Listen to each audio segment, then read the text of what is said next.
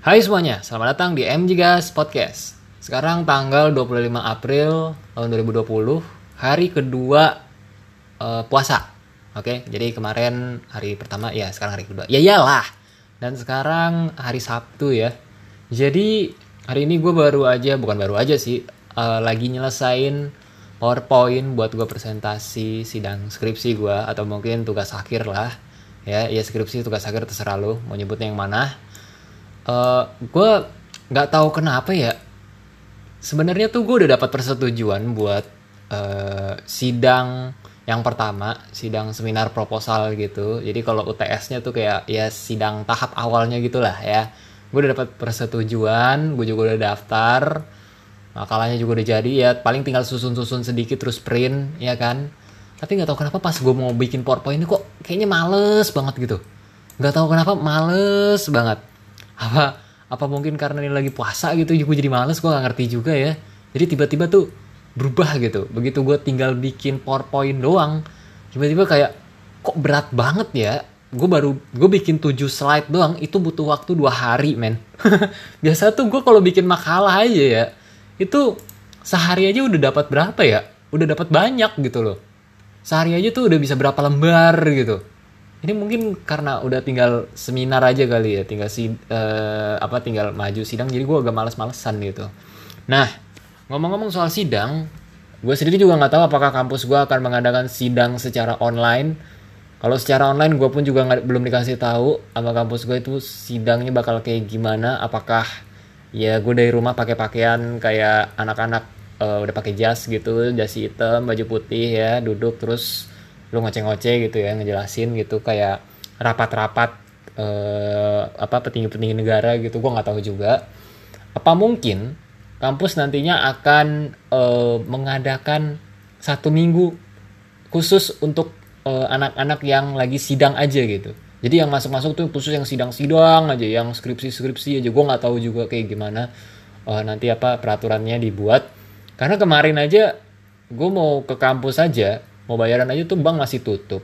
Kampus sepi men buset. Gue ceritanya tuh gini. Jadi di kampus gue itu kan ada banknya ya banknya di depan. Nah gerbang kampus di ya mungkin jaraknya nggak jauh-jauh banget tapi masih satu lahan gitu ya. Gerbang kampus itu semuanya ditutup. Semuanya ditutup. Baik itu parkiran gerbang belakang gerbang depan itu ditutup juga. Tapi gerbang bank itu nggak ditutup. Nah padahal bank itu juga nyambung satu lahan gitu sama kampus gue jadi kalau gue mau ke bank jadi kalau gue mau ke kampus gue otomatis masuk ke tuh lewat uh, pintu bank itu khusus ke bank itu. Dan gue waktu itu masuk kan mau bayaran gitu karena ya gue belum bayaran gitu. Terus kemudian uh, hujan gue juga lagi nunggu temen mau nanya-nanya kira-kira persiapan mau sidang itu apa aja gitu ya kan. Terus kemudian ya udah gue iseng lah masuk ke dalam kampus gitu. Gue bilang buset kampus serem cuy. Itu siang loh padahal tapi sunyi banget gitu. Sunyi apa tutup semuanya tutup gitu. Bener-bener kayak ini kayak gedung kayak gedung udah apa ya udah nggak dipakai gitu tapi rapi gitu. Bedanya tuh rapi bersih gitu ya. Ya iyalah kan ada yang office boy tetap jalan gitu cleaning service tetap jalan satpam tetap ada. Nah gue waktu itu kema uh, kemarin kemarin itu gue ceritanya sekalian mau bayar kampus sama gue mau nunggu temen gitu. Jadi gue pengen ketemu temen gue yang udah sidang gitu yang udah skripsi udah kelar kira-kira apa aja sih yang dipersiapin gitu ya kan. Karena gue termasuk yang nggak tahu nih kita kan jarang ke kampus ya jadi uh, informasi-informasi mengenai sidang gitu mengenai skripsi mengenai tugas akhir tuh masuk ke kita sangat sedikit gitu loh. Sangat sedikit karena agak agak susah gitu kalau lu lagi ngurus TA skripsi biasanya kan ada aja gitu kan dokumen-dokumen yang perlu dilengkapin gitu.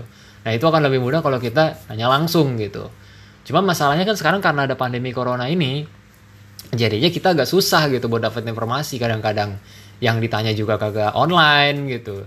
Terus kemudian dia ngejawab kalau memang menurut dia penting aja gitu. Apa kayak ya bukan penting sih maksudnya gimana ya? Kayak nggak selalu lu tanya terus dijawab sama mereka gitu. Kadang-kadang kan emang begitu ya. Maksudnya bukan kadang-kadang sih.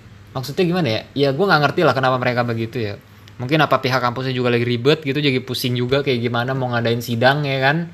Dan makin hari gue lihat uh, apa ya pengamanan tuh makin bertambah ya.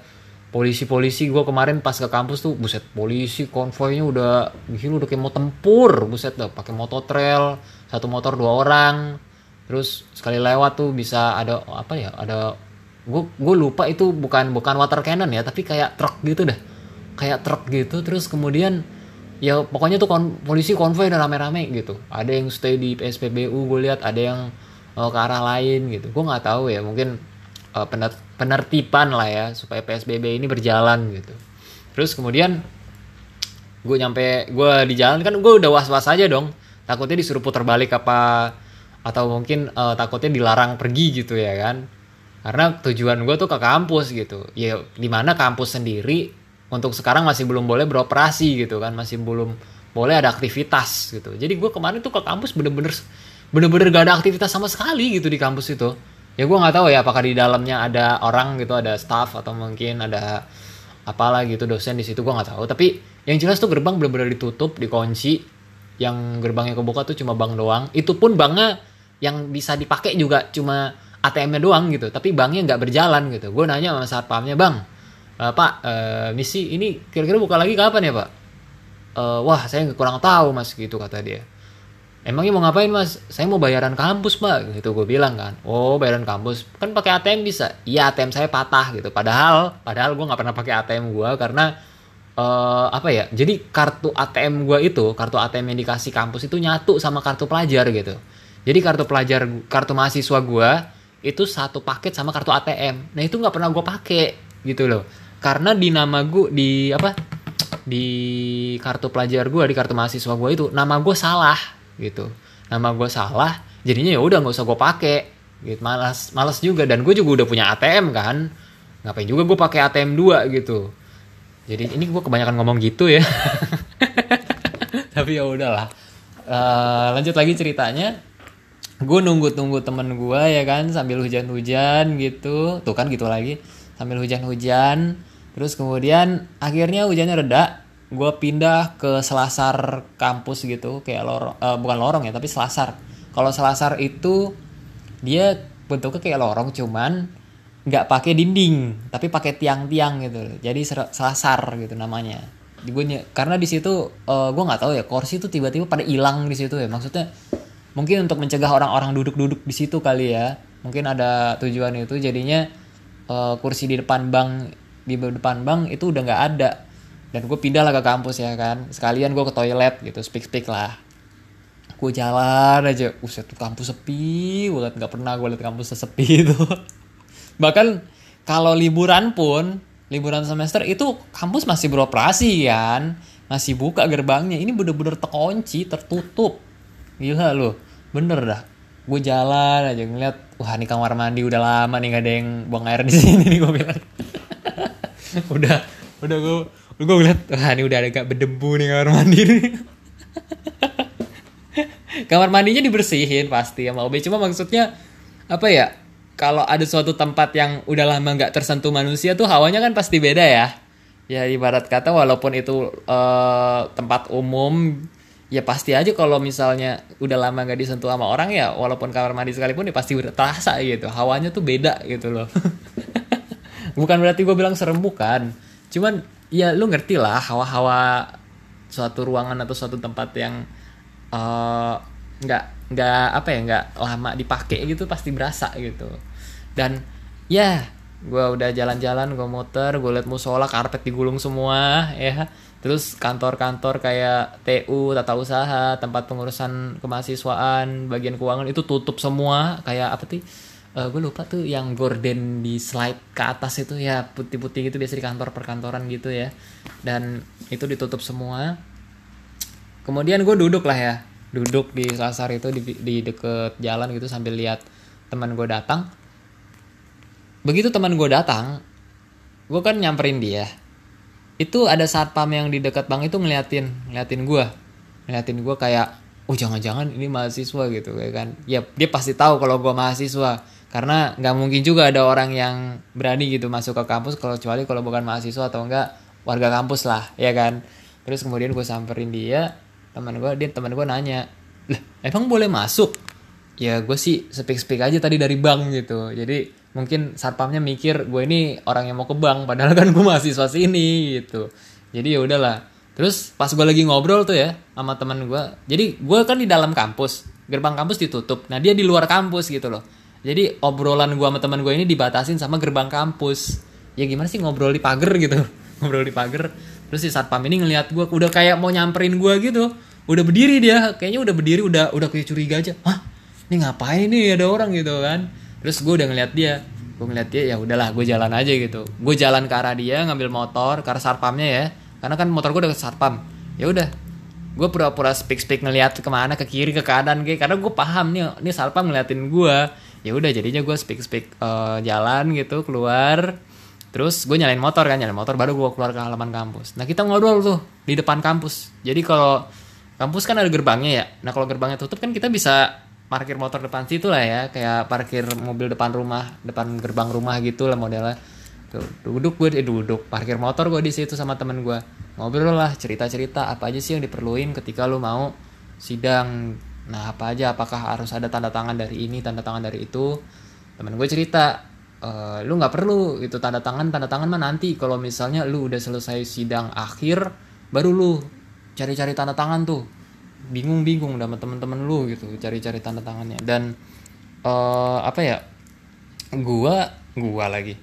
Gue juga nanya soal PowerPoint. Nah jujur aja gue selama ini selama kuliah ketika gue bikin PowerPoint alhamdulillah tuh dosen gue nggak banyak yang protes gitu. Nggak banyak yang protes dibilang kebanyakan juga enggak dibilang terlalu banyak tulisan juga enggak.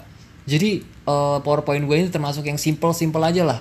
Nggak terlalu kebanyakan gaya gitu. Kadang kan lu pernah lah ya ketemu kayak PowerPoint yang dipencet uh, gambar ini ntar nongol ke slide ini gitu. Hyperlink hyperlink. Hyperlink hyperlink gitu lah. Gue nggak pakai gitu gitu gue gue yang simple simple aja. Gue yang simple simple aja tapi jangan terlalu banyak uh, tulisan juga gitu. Jangan terlalu banyak tulisan jangan terlalu banyak jangan terlalu heboh lah intinya gitu. Alhamdulillah gue sejauh ini untuk urusan bikin PPT belum pernah dapat komen dari dosen gitu. Apakah ini tulisannya terlalu banyak apakah gambarnya terlalu rame gitu belum pernah. Nah gue khawatir karena gue belum pernah dikoreksi gue takutnya nanti pas uh, skripsi kan kita nggak ngerti kan ya di uh, yang nguji kan bukannya uh, yang nguji itu kan bukan dosen yang ngebimbing kita kan. Yang nguji kan orang lain gitu. Dosen yang dosen yang lain. Gue takutnya nanti ini nggak selera sama mereka nih gitu. Makanya gue nanya sama temen gue ngobrol lah. Ngobrol lah selama sejam itu gue di depan gerbang itu sama temen gue Nah, kenapa gue bisa sejam ngobrol sama dia? Mungkin yang pertama karena kita mungkin udah gabut kali ya di rumah. Gabut di rumah kita juga nggak nggak ngapa-ngapain kecuali gue gue ngerjain skripsi gue ngerjain skripsi tuh begadang-begadang ya karena uh, apa ya? Jadi sebenarnya skripsi gue ini kan gue tugas akhir ngebuat film. Nah, uh, proposal gue ini ya isinya pasti teori-teori juga gitu, pasti data-data juga keperluan-keperluan yang dibutuhin untuk membuat skripsi paling kita paling gue tuh masalahnya apa ya paling gue tuh masalahnya karena ada beberapa bagian yang harus dikerjain dalam waktu yang lama jadi bukannya susah tapi harus dikerjain dalam waktu yang lama. Misalnya kayak gue nih gue kan tugas akhir bikin film. Nah di tugas akhir bikin film itu itu ada namanya storyboard. Storyboard itu adalah kayak gambar sketsa gitu gambar sketsa yang di mana nantinya gambar sketsa itu bisa menjadi rujukan lu ketika lu akan mengambil sebuah gambar dalam satu adegan. Jadinya gue tuh pasti gue tuh begadang-begadang itu gambar gambar sketsa itu.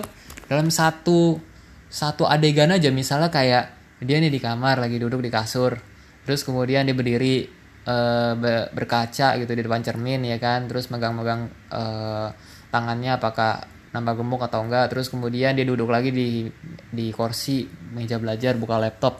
Itu aja gue ngegambarnya tuh bisa berapa satu scene itu gue bisa berapa kali gambar gitu. Bisa dua lembar dua lembar itu bisa 10 gambar. Dulu bayangin satu adegan aja itu bisa 10 gambar. Dan dan gue tuh ada dua tiga puluh tiga scene. tiga puluh tiga scene itu ya nggak semuanya 10 gambar sih. Tapi apa ya ya lu bisa bayangin lah gitu maksud gue capeknya kayak gimana gitu. Dan dosen gue paham bener. Untungnya dosen gue paham ya. Alhamdulillahnya dia orang pembuat bukan dibilang buat film juga tapi kayak udah biasa buat uh, reality reality show gitu atau mungkin sinetron sinetron gitu drama drama gitulah ya. Jadinya dosen gue alhamdulillah paham juga orangnya gitu ya enak juga gitu. Dan gue gue bersyukurnya adalah gue dapet dosen dan pembimbing itu ya dosen pembimbing itu enak gitu.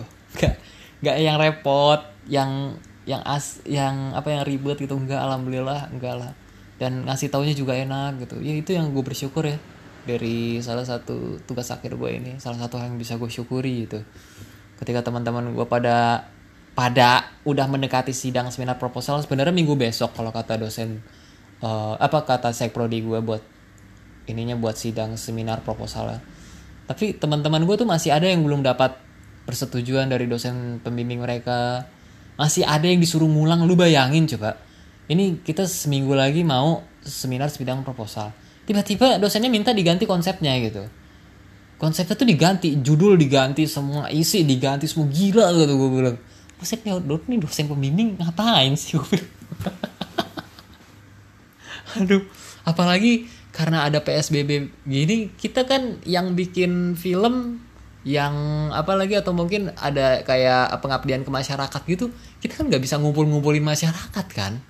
Karena uh, apa nggak bisa ngumpulin orang banyak karena kan nantinya takutnya masyarakat nggak terima atau mungkin ntar kitanya ditegur gitu mengganggu ketertiban umum gitu jujur aja yang gue khawatirin sekarang ini satu. Gue mau syuting tuh gimana gitu. Kalau kata kalau kalau ditanya kendalanya sekarang itu kendala gue itu apa? Ya kendala gue ini satu. Eh dua sih dua. Uh, satunya itu adalah gue mau syuting gimana ya kan? Karena syuting itu pasti ngumpulin orang banyak. Sementara uh, peraturan negara membuat psbb ya kan penjarak apalah gue gue nggak ngerti lah ya psbb itu singkatannya apa. Tapi yang jelas nggak boleh berkumpul-kumpul gitu. Terus kemudian yang kedua uh, Thailand dan kru gue juga nggak mau kalau misalnya uh, apa pandeminya masih tinggi kayak begini. Terus habis tuh uh, eh, gue khawatir ini ngaret gitu loh. Kalau ngaret sih nggak masalah ya. Misalnya gini gue khawatir kalau misalnya sampai bulan Juli besok gue nggak bisa produksi gue khawatir nantinya ini bakal uh, kedepak gitu loh. Gue bakal kedepak jadinya. Sidangnya tuh bakal kedepak. Takutnya mundur. Nah kalau gue mundur otomatis kan gue masuk ke semester 9 dong karena kan gue semester 8 kalau masuk semester 9 ya nambah bayaran lagi gue sialnya ya kan?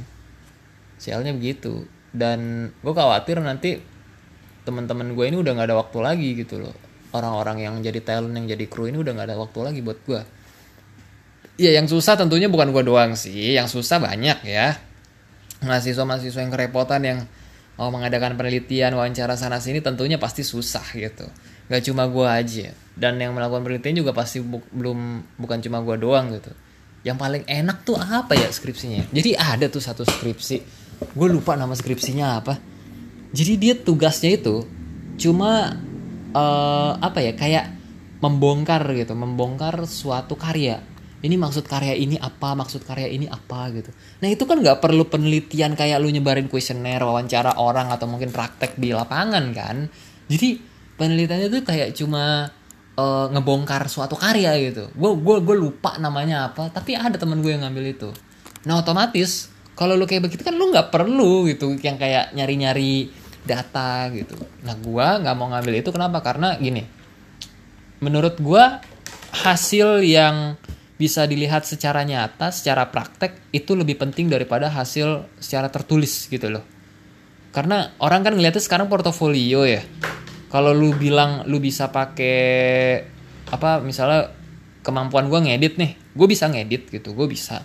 Terus gue bilang di CV gue gue bisa ngedit gitu. Tapi kan orang kan nggak terlalu percaya, nggak bisa ngukur kemampuan ngedit lu semana gitu. Tapi kalau orang udah ngeliat portofolio lu, oh ini karya lu nih, lu pernah bikin ini, oh lu bisa ini orang bisa ngukur kemampuan lu tuh semana ya kan? Daripada gue bikin kayak gitu uh, apa daripada gue bikin TA atau skripsi tulisan-tulisan ya kan? Penelitian-penelitian yang nantinya gue yakin banget juga nggak bakal kepake pakai banget.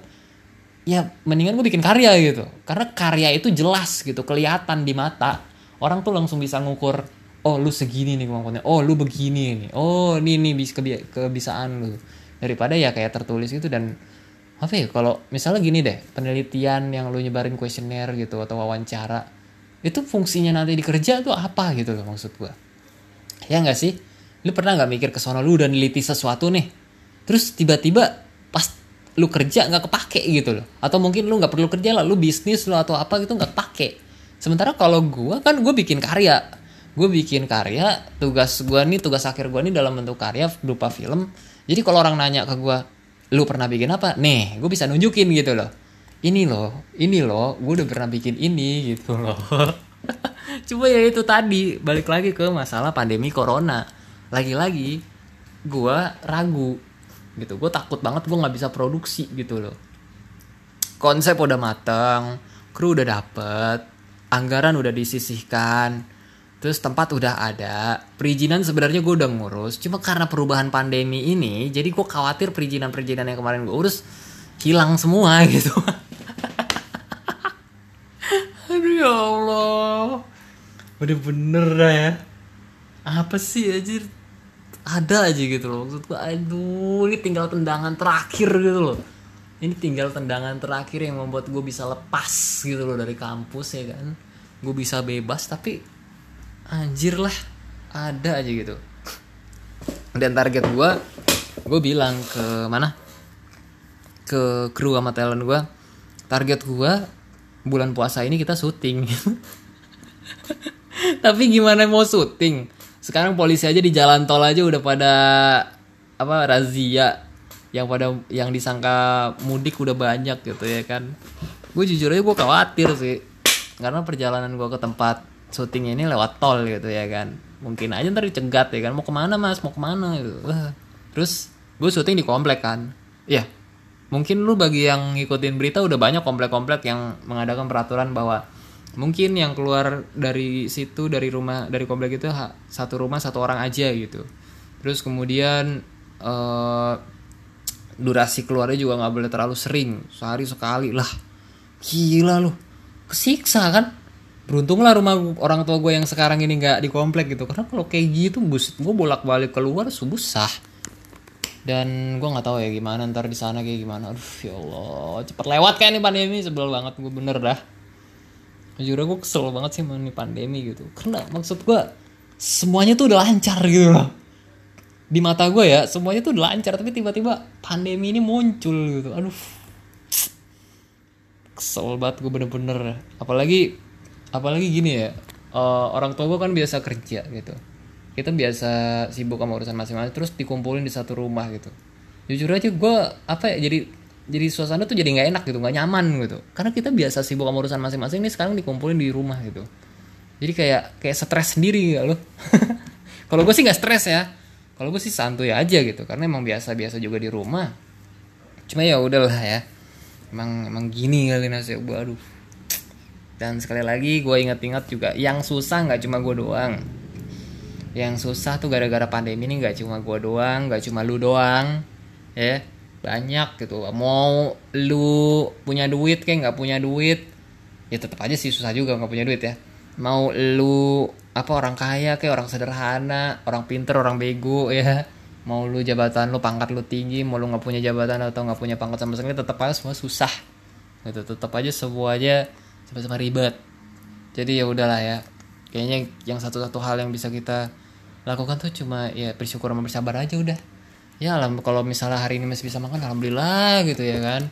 Karena gue baca beritanya banyak juga yang udah nggak bisa makan lagi yang mati kelaparan gitu. Itu sedih banget gue bilang. Mati kelaparan loh lu bayangin. Mati kelaparan gara-gara nggak bisa makan gitu. Nggak bisa nafkah gitu. Dan gue nggak ngerti lah. Menurut gue apa ya menurut gue ini terakhir gue baca tuh kasus corona di Indonesia tuh 8 ribu.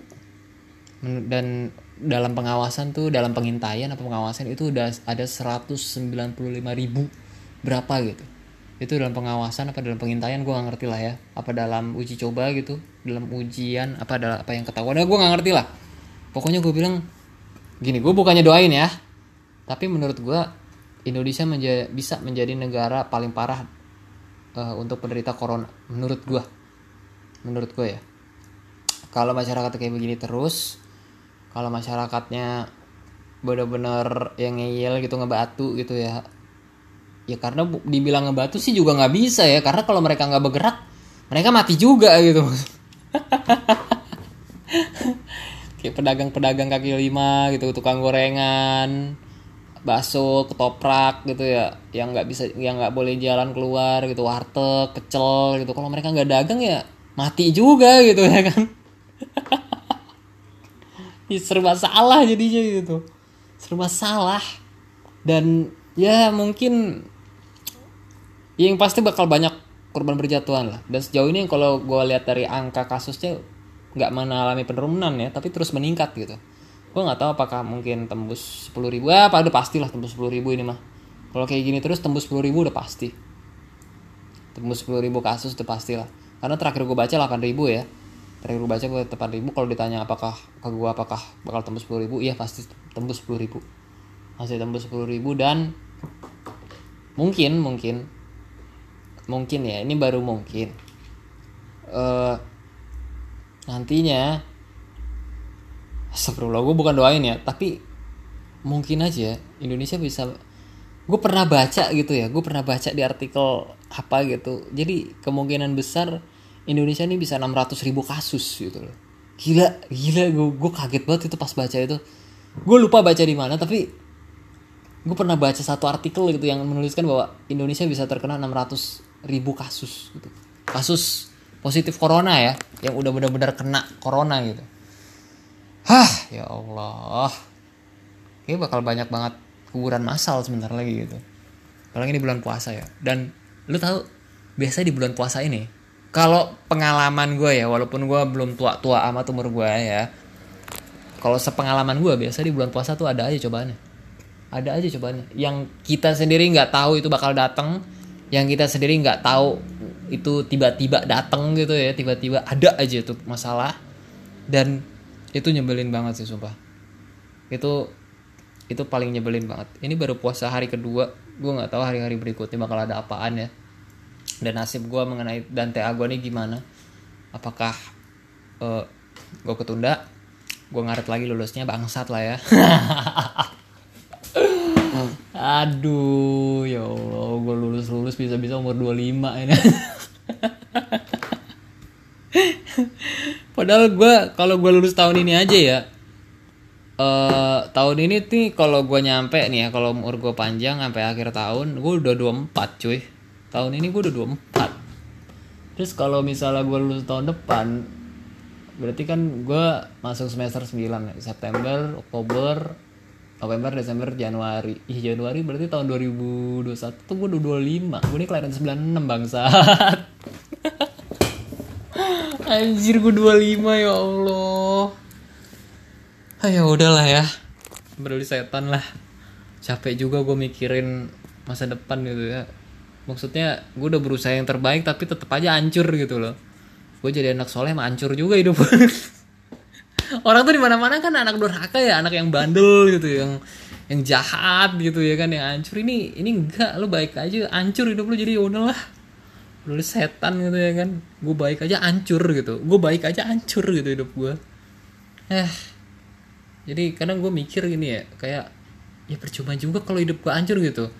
Karena kita dibilangin sama orang-orang tuh kan uh, kalau lu baik kalau lu bener hidup lu pasti bener. Ya ini enggak juga gitu. Kesel aja gue bilang. Anjir gue ditipu ya kan. Percuma gitu gue jadi anak baik ya kan percuma gue dari dulu jadi orang-orang yang kalem gitu nggak macem-macem. Lah atau gini mah. Bengal sekalian ya kan? Nggak penting juga gitu. Makanya gue mikir gitu ah ya udahlah. Baik gak baik hancur juga gitu. Gue jatuhnya samanya kayak lu bilang ngerokok nggak ngerokok mati juga. Gitu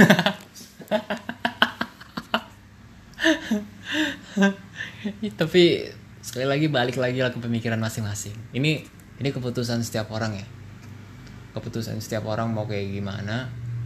Kalau gue pribadi ya gitu. Pikiran gue tuh di otak gue sekarang ya gue baik aja hidup gue hancur gitu.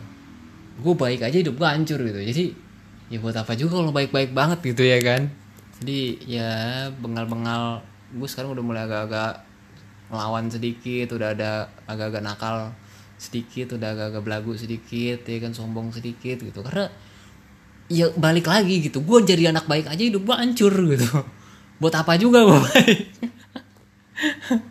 Bukan berarti gue akan merubah perilaku gue 180 derajat gitu enggak. Cuman maksudnya gue nggak mau terlalu kaku lagi lah. Gue nggak mau terlalu kaku lagi. Kalau gue nggak suka gue bilang nggak suka. Kalau gue nggak pengen gue nggak pengen gitu. Ya udahlah. Kayaknya itu aja sih yang pengen gue obrolin ya. Nggak ada lagi yang mau gue obrolin dan gue bikin podcast ini sambil ngelihat PPT gue 7 slide doang dua hari gue bikin ya Allah. Padahal tuh gue bikin PPT tuh biasanya sebentar aja karena yang lu ambil kan cuma poin-poinnya doang kan ya. Yang lu ambil kan dari slide dari makalah lu lu pindahin ke PowerPoint kan nggak semuanya kan poin-poinnya aja. Tapi nggak tahu kenapa kayaknya males banget gitu. Bukan nggak bisa tapi males. Itu kayak ngerasa lah percuma lah gitu kan. Nyerah lah gitu. Gue nggak tahu lu ngerasain juga apa yang gue rasain gitu ya. Tapi satu keinginan gue sekarang. Gue cuma pengen tugas akhir gue selesai. Gue pengen tugas akhir gue selesai SKL turun uh, eh, SKL udah gue terima ijazah udah gue terima. Oh udah sempak lah mau wisuda. Bodo amat. Mau gue di wisuda tuh kayak di foto-foto atau mungkin gue pakai pakai seragam wisuda gitu gak peduli gue. Yang penting ijazah dulu udah ke tangan gitu kan. Ijazah SKL dulu pegang gitu. Nggak penting juga buat gue gitu di wisuda di wisuda gitu. Uh, kalau udah kepegang ya udah gue tenang gitu. Masalah pendinya pandeminya berapa lama ya udahlah. Kan gue juga bisa masih bisa bikin hal lain gitu loh. Karena ini doang nih TA doang nih. Ah ya udahlah. Sabar ya satu-satunya yang bisa dilakukan sekarang adalah sabar dan bersyukur. Udah itu doang. Nggak bisa lagi. Eh enggak uh, yang bisa dilakukan sekarang nih yang pertama lu ngeluh. Ada beberapa pilihan yang bisa lu lakukan ketika dalam situasi kayak gini. Lu ngeluh lu ngomel-ngomel ya di mana gue juga kadang-kadang melakukan hal itu. Kedua lu sabar dan bersyukur. Dan sudah asar saudara-saudara ya. Sudah 31 menit lebih gue menemani kalian. Terima kasih sudah mendengarkan podcast gue dan sampai ketemu di podcast berikutnya. Dadah